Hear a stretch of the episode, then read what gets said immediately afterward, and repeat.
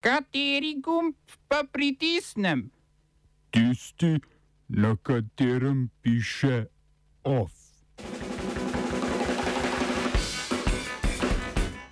Protesti proti policijskemu nasilju v Tuniziji.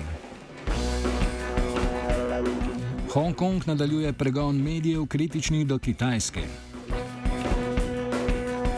Srbsko vrhovno sodišče oprostilo narko, narkokralja Dragana Šariča. Ministr Poklukar predstavil zdravstveno reformo.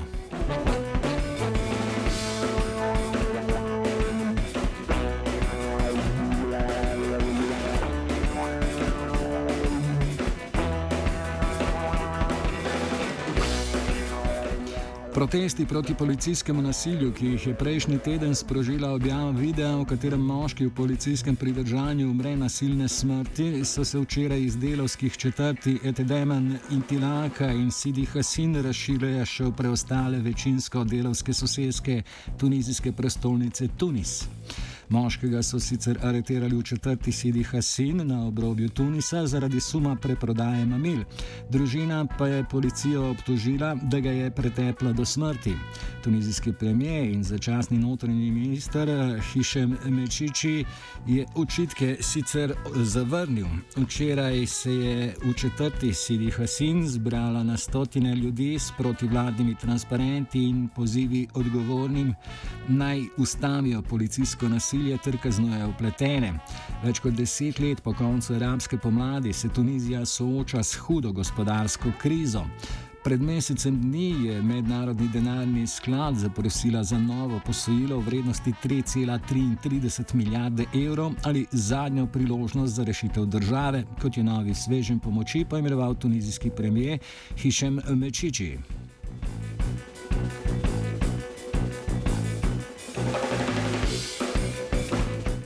Nekdani predsednik slonokoščene obale, Loren Gbagbo, eh, se po desetih letih od začetka sodnega postopka pred mednarodnim kazenskim sodiščem sedežem v Hagu vrača v domovino na povabilo trenutnega premijera in siceršnjega političnega tekmeca Alessandra Uatareja. Bagboja, ki je na zatožno klop leta 2011 sedel zaradi očitkov v povezavi s poboji po predsedniških volitvah leta 2010, je sodišče leta 2019 oprostilo vseh obtožb, čež da tožilstvu ni uspelo pripraviti zadovoljive obtožnice. Povabilo Bagboja v domovino prihaja kot presenečenje, saj mu je tamkajšnje vrhovno sodišče novembra lani prepovedalo kandidaturo na predsedniških volitvah.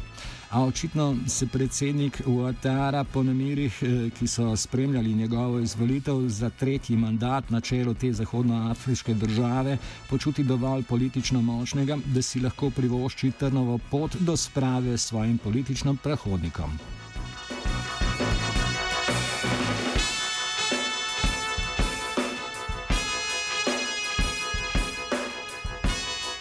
Hongkonške oblasti nadaljujejo pregon prozahodnih in do kitajske kritičnih medijev. V jutranjih urah se tako izvede racijo na sedežu časnika Apple Daily ter pridržale odgovornega urednika in štiri druge z medijem povezane funkcionarje. Po navedbah oblasti naj bi Apple Daily od leta 2019 objavil več kot 30 člankov s pozivi tujim državam k uvedbi sankcij proti Hongkongu in Ljudski republiki Kitajski. Na podlagi očitkov o kršenju zakona o nacionalni varnosti, ki ga je hongkonški parlament sprejel julija lani, so zamrznili tudi 2 milijona evrov vredno premoženje podjetij povezanih s časnikom. Lasnik časnika Jimmy Lai, eden od najvidnejših podpornikov hongkonškega gibanja proti vladi v Pekingu, je trenutno v zaporu zaradi udeležbe na več protivladnih protestih.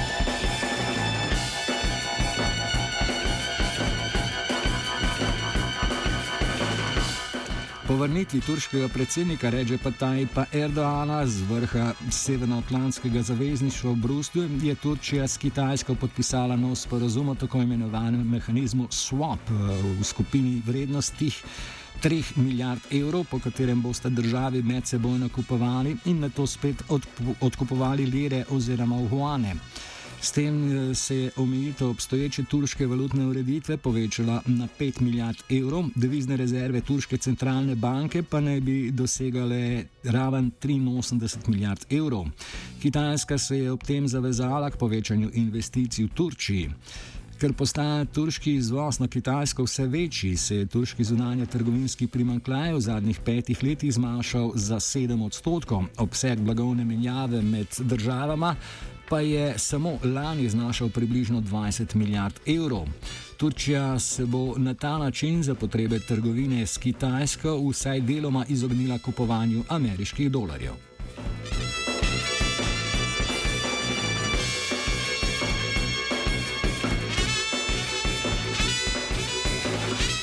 Srpsko vrhovno sodišče je Dragana Šariča, vodjo srpske veje mednarodnega kokainskega narkokartela, zaradi proceduralnih napak v postopku oprostilo vseh obtožb in zadevo vrnilo v ponovno odločanje na Beograjsko prizivno sodišče.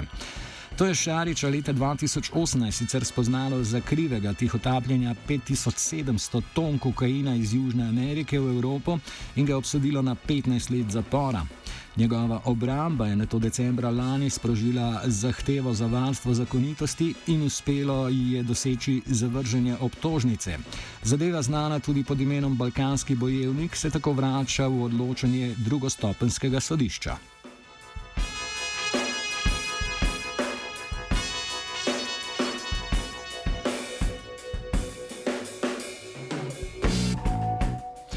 Kljub že drugi stavki zaposlenih v javnem sektorju ta teden je grška vlada včeraj pozno zvečer z navadno večino sprejela novo delovsko zakonodajo, ki uvaja fleksibilnejše oblike dela. Vladajoča koalicija pod vodstvom premijeja Kirakosa Micotakisa naj bi z novelo želela spodbuditi gospodarsko rast in delovno silo prilagoditi spremenjajočim se trendom na evropskih trgih. S tem verjetno misli na uvajanje možnosti podaljšanja delovnega tedna z 40 na največ 50 ur ter uvedbo možnosti kasnejšega izplačevanja nadur. Sindikati so najbolj kritični do uredbe, ki določa, da bodo morali ponudniki javnih storitev in služb delati tudi med stavko. Sindikati pa bi lahko bili očkodninsko odgovorni za materialno škodo povzročeno z njo. Oba, če, če bom odgovoril na angliški. Slovenija will try to help. Uh, We can Slovenija will uh, and we will do our utmost to say that the situation is, our problem ourselves. and uh, We will make further steps as soon as the conditions are bomo vlado Marjana Cererja, Mira, Marjana Cererja Šarca podprli. uh, very, very serious. we know how and we will. Na zdravstvenem forumu v Portorožu so pristojni predstavili predlog zakona, ki v prihodnjem desetletju za reformo zdravstva predvideva 1,9 milijarde evrov, predvsem za kadrovske investicije. Predlog, ki ga je predstavil ministr za zdravje Janez Poklukar, tako predvideva več kot 200 milijonov evrov investicij v izob- izobraževanje in raziskovalne dejavnosti. Med drugim želijo na ministrstvu povečati medicinsko fakulteto Univerze v Ljubljani in s tem povečati tudi upis študentov medicine. Hkrati želijo povečati tudi upis na Mariborsko medicinsko fakulteto. Vodja svetovalne skupine za cepljenje pri NIJZ in predsednica zdravniške zbornice Slovenije Bojana Belovič je v analizi epidemije v Sloveniji ocenila, da so se v prvem valu soočali z izrazitim pomankanjem opreme na primarni ravni in pozvala k nujnemu strukturnemu izboljšanju javno-zdravstvene službe. Predsednik republike Borut Pahor je napovedal reformo javnega zdravstvenega sistema, označil za ključen strukturni ukrep sedanjega časa.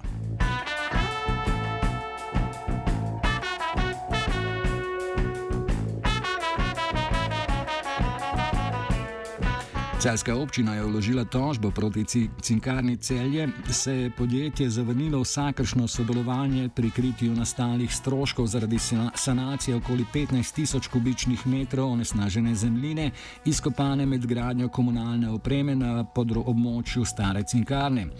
Gre za strošek v višini 1,26 milijona evrov, ki ga je celska občina v letih 2014 do 2016 plačala predelovalcu onesnažene zemljine, šentjurski družbi Stonex Geotehnologija. Cinkarna Celje je obvestilo o tožbi občine prejela novembra leta 2017. Kot je, kot je takrat povedal tedajni predsednik uprave Cinkarne Celje Tomaš Benčina, v sanaciji onesnažene zemljine na območju stare cinkarne niso sodelovali, ker k temu niso bili zavezani. Ob gradni komunalne opreme na tem območju so namreč ugotovili, da so izkopi tako onesnaženi, da jih ni bilo mogoče uporabiti niti za zasutje te iste gradbene jame. Izkope je izbrani izvajalec Stonex Geotehnologija po naročilu celske občine predelal na mestu samem.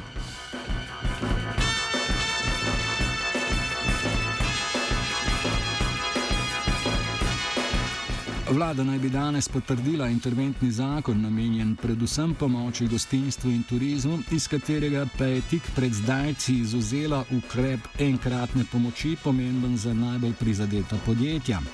Največ denarja bo šlo za turistične bone, ki naj bi jih prejeli vsi državljani, polnoletni po 120 evrov, mlajši polovico manj. Vlada je z julijem ukinila pomoč samozaposlenimi v obliki mesečnega temeljnega dohodka, konec meseca se izteče tudi subvencioniranje čakanja na delo doma.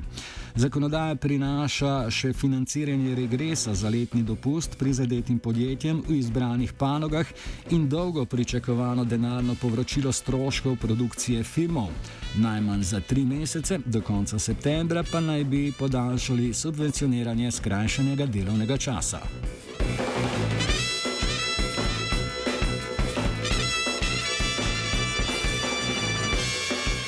Of je pripravil Dugi.